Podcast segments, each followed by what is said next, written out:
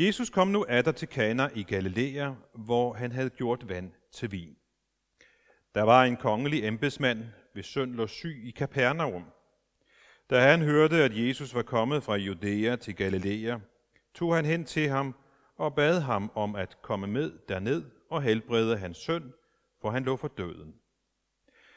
Da sagde Jesus til ham, Hvis I ikke får tegn eller underer at se, tror I ikke. Den kongelige embedsmand svarede, Herre, kom med derned, før mit barn dør. Jesus sagde til ham, Gå hjem, din søn lever. Manden troede Jesus på hans ord og gik. Og allerede mens han var på vej hjem, kom hans tjener ham i møde og fortalte, at hans dreng var i live. Han spurgte dem så ud om, i hvilken time han havde fået det bedre, og de svarede, i går ved den syvende, syvende time forlod feberen ham. Der forstod faderen, at det var sket netop i den time, da Jesus havde sagt, din søn lever. Og han og hele hans husstand kom til tro. Amen.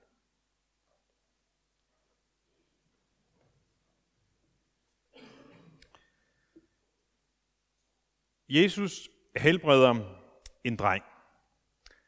Og øh, Johannes har valgt, at det er vigtigt, at vi får at vide, at drengens far er en kongelig embedsmand.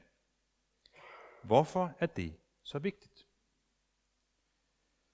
Umiddelbart tænker jeg, at i den her situation, så må det vigtigste vel være, at han, øh, han er en, en far.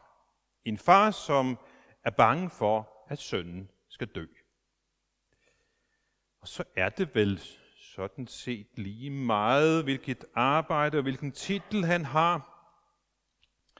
Jeg har aldrig oplevet noget lignende, men jeg har været på skadestuen med børnene. Og øh, når vi er på skadestuen med vores børn, så er det sådan set lige meget, om jeg er præst og siger, er, er fysioterapeut. I den situation, så er vi far og mor, der kommer med vores barn for at de skal få den nødvendige, den nødvendige hjælp. Så i lyset af det er det måske en anelse underligt, at vi hører, at ham, ham her, hvis søn er syg til døden, er en kongelig embedsmand. Det er vel ikke lige det, han tænker så meget på, den dag han kommer til Jesus. Arbejde og titel. Når vi står i en sådan situation, så tror jeg ikke, vi er stort mere end et menneske – så gør det ikke så meget, om man nu er embedsmand af den ene eller den anden slags. For her hjælper der ikke nogen stilling. Her hjælper der ikke nogen titel. Her bliver vi mødt med noget, vi ikke er herre over selv. Hvorfor er det så så vigtigt? At vi får at vide, at han er embedsmand. Og jeg må afsløre, jeg ved det ikke. Jeg kender ikke Johannes' bevæggrunde for at have lige præcis den detalje med, men jeg kan fortælle, hvad jeg kommer til at tænke på, når jeg lægger mærke til, at den detalje er der. En kongelig embedsmand. I Jesus samtid, så er det, en, er det i hvert fald ikke en her hvem som helst. Der er en, en vis status knyttet til at være embedsmand.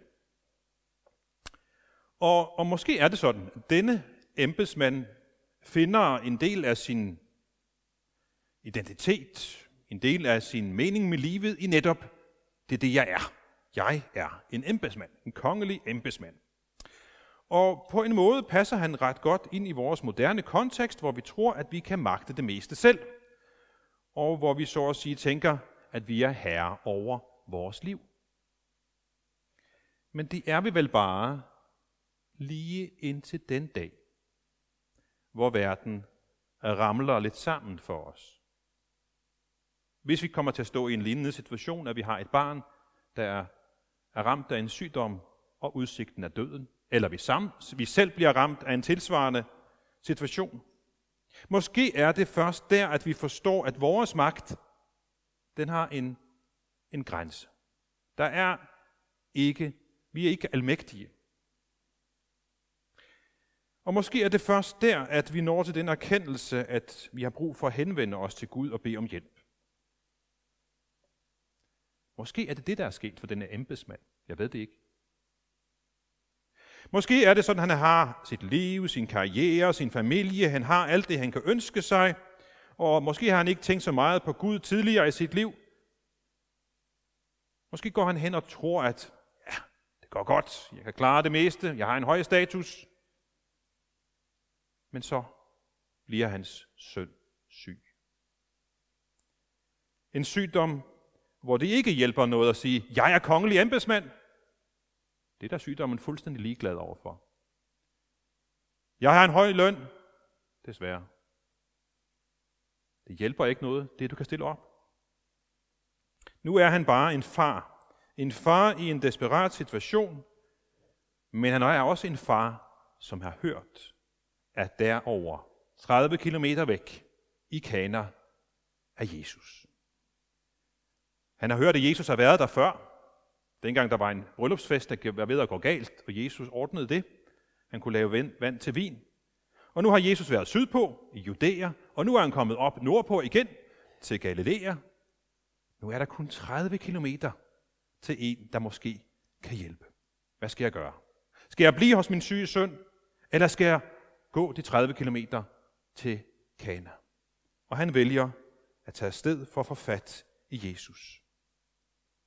Velvidende, at der er fare for, at han ikke er der, når hans søn dør, måske.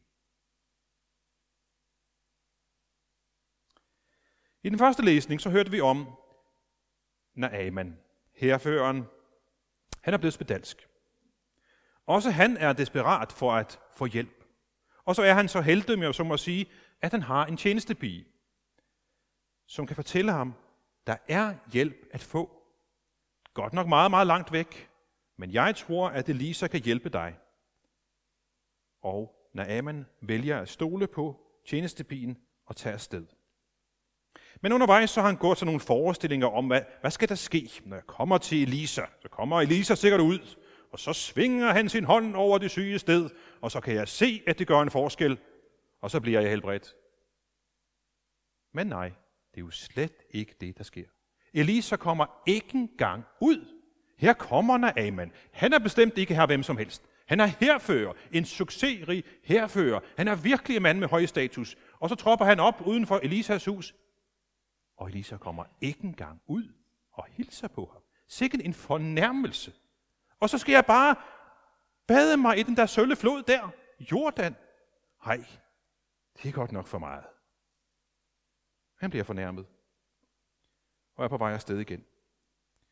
Begge de to mænd, både manden fra Repernum og Naaman, er desperate. De har virkelig brug for Guds hjælp. De har begge to forventninger om, hvad der skal ske. Konge, den kongelige embedsmand vil have Jesus med til Kapernaum. Jesus, kom nu. Kom med. Og når Aman han vil have Elisa ud og ordne det her. Men hvordan reagerer de på, at deres ønsker, deres bøn og deres forventninger ikke bliver indfriet på den måde, de havde tænkt sig? Når Aman, han bliver smæk fornærmet. Hvis det skal være på den måde, nej tak, så går jeg altså hjem. Heldigvis har han nogle tjenere, der siger, ah, nej, men nu er du kommet hele den her lange vej, og hvis det var noget svært, han havde sagt til dig, ville du så ikke have gjort det? Altså, hvor, hvor, nu, nu er du virkelig tåbelig, nej, man. Det er sådan til det, han, de siger til ham. Skal du ikke lige prøve det der? Det, det er altså ikke svært. Embedsmanden, han reagerer straks ved at vise Jesus tillid og tage Jesus på ordet. En fælles ting for begge tekster er, det er at stole på Jesus, stole på Gud, det er at tro, det er at vise, det er at vise tillid. En form for, for, for, for tro, eller skepsis måske, det er at sige, jeg forholder mig til det, der kan ses, det, der kan bevises. Vi kender det fra Thomas for eksempel. Da Jesus er opstået fra de døde, og de andre disciple fortæller ham, ved du hvad, Jesus er opstået, så siger Thomas, nej, hvis ikke jeg får lov til selv at se det, jeg vil gerne mærke de der navlemærker og det der sår i siden, ellers, nej tak, jeg skal have beviser. Og vi står lidt i Thomas' situation her. Vi har ikke lige nogen navlemærker, vi kan kigge på. Vi har måske heller ikke oplevet en masse helbredelser eller noget af den stil, så for os kan det også være en udfordring at tro. Og troen er jo ikke nødvendigvis enkel og ukompliceret. Men tro er også tillid. I Hebræerbrevet læser vi en fast tillid til det, der håbes på, og en overbevisning om det, der ikke ses. I vores moderne verden vil man helst kun tro på det, man kan se, man kan bevise, man kan erfare osv. Men vores samfund er også bygget på en masse tillid. Vores samfund ville slet ikke fungere, hvis ikke vi viste hinanden tillid. For eksempel, hvis nu jeg her i eftermiddag har tænkt mig at køre ind til Nørreport, så tænker jeg, dyrt at parkere ind i, i, i midtbyen, jeg gider ikke tage bilen, jeg tager bus 6A. Det er jo nemt. Men i og med, at jeg stiger ind i bussen, så viser jeg samtidig chaufføren tillid.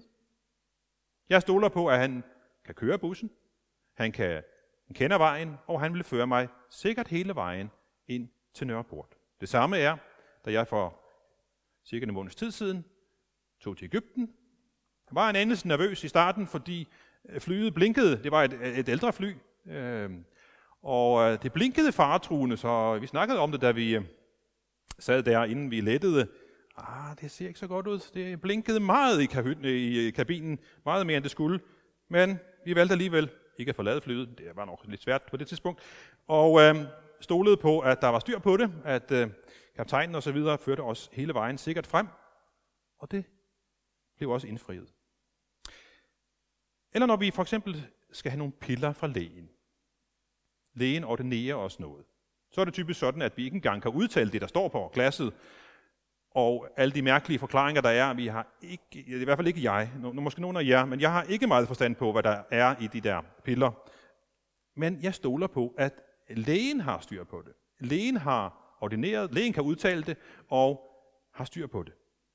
Alt sammen en masse eksempler på, at vi viser hinanden tillid. Vi stoler på hinanden, uden at vi umiddelbart kræver beviser for det. Den kongelige embedsmand, han lærer os det at tro er tillid.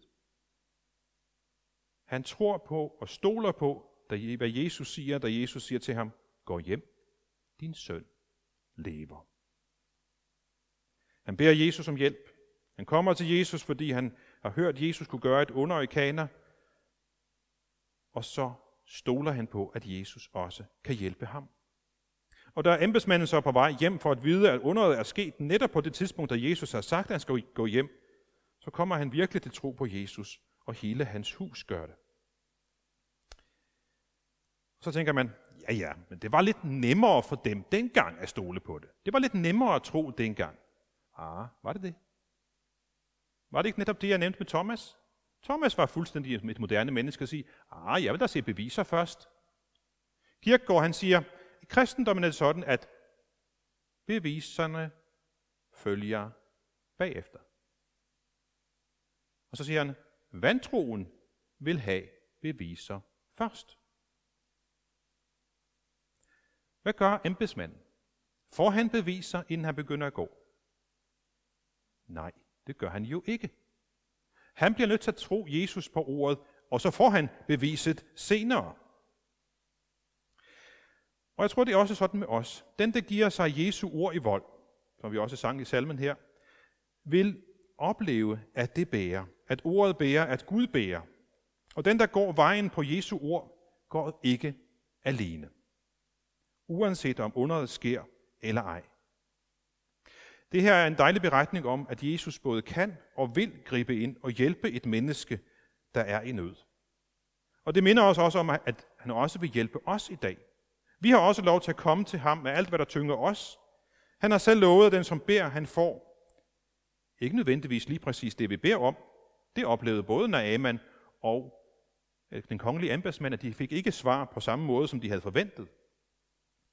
Men vi skal ikke være et øjeblik i tvivl om, at Gud hører vores bøn og giver os, hvad der er det bedste for os. Og derfor synes jeg, at vi kan lære af de her beretninger, vi har hørt i dag, at vi ikke skal tøve, men komme til ham, så snart der er noget, vi har brug for at få hans hjælp til. Og det gælder også, selvom vi måske ikke hører til dem, der plejer at rende Gud på dørene. Vi behøver ikke at skamme os over at komme til ham, når det brænder på. At tro er så enkelt som at komme til ham. Og Gud tøver ikke med at høre vores bøn, når vi beder om hjælp. Jeg har læst en dejlig, et dejligt billede på, på hvad, hvad bøn er. Øhm, forleden så, eller Andreas, vores søn, han er i gang med at tage kørekort. Og øh, en af de ting, man skal forstå, når man begynder at køre bil, det er, hvordan sammenhæng er mellem en motor og en kobling. Hvordan er det, det hele fungerer? Der er en motor, der er nogle aksler, og der er nogle hjul, og så er der altså en meget, meget vigtig del, en kobling imellem de. Og det skal man altså lære, når man skal finde ud af, hvordan man skal betjene en bil. Og jeg tror, han har fanget det nu. Og så læste det her billede, at vores bøn er lidt som en kobling, der sætter os i forbindelse med Guds kraft og Guds kærlighed. Når vi beder, så er vi i forbindelse, så er der koblet sammen med den almægtige Gud, himlens og jordens skaber. Biler kan have forskellige motorkraft. Det ved vi godt. Og det at koble i kan give enten en sløv opstart, som vores Grand Picasso. Jeg indrømmer, den kører ikke så voldsomt hurtigt afsted, når jeg kobler i. Men der er sikkert nogle af jer, der har lidt øh, finere biler, end jeg har, som øh, når man giver den gas, så ryger den virkelig afsted. Vores overvejer det først. Øhm, men der er en motor, der bliver koblet til nogle hjul, og så kommer det fremad. Når vi beder til Gud, så kan I se, prøv lige hænderne sammen. Vi kobler dem sammen.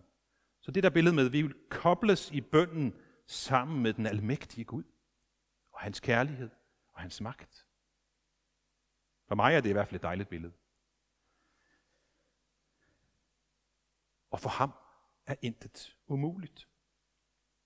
En af de dejlige børnesange, vi jo kender, det er, hvor Gud er så stor, så stærk og så mægtigt, at der bare er nogle få ting, der er umulige for ham. Er det sådan, det lyder? Nej, det er det jo ikke. Hvor Gud er så stærk, så stor, så stærk og så mægtig, der er intet umuligt for ham. Og lad mig slutte med en lille historie, som viser et billede på tro. En nat så udbrød der brand i et hus. Et familiehus. Flammerne de skød op. Forældre og børn styrter ud af huset. Og så står de uden for huset og er, er vidne til, til det drama, at deres hus brænder. Men pludselig opdager de, at deres yngste barn ikke er kommet med ud. Ingen tør våge sig ind i den glødende ildovn, om jeg så må sige. Men der åbnes et vindue op på første sal, og den lille dreng råber om hjælp. Han er bare gået op på første sal. Hans far får øje på ham og råber, spring ud! Men drengen, han står op på første sal, og han kan kun se røg. Han kan kun se flammer. Han kan ikke se sin far, men han kan høre sin far. Han svarer, jamen far, jeg kan ikke se dig. Så råber faren til ham, det gør ikke noget. Jeg kan se dig. Drengen springer ud af vinduet og lander i sin fars arme. Det synes jeg er et ret godt billede på troen på Gud. Det gør ikke noget, at vi ikke kan se vores himmelske far. Vi kan høre ham. Han taler til os, og han kan se os. Han står parat til at gribe os, når vi er i fare. Vi kan uden at være bange kaste os ud i hans favn. Amen.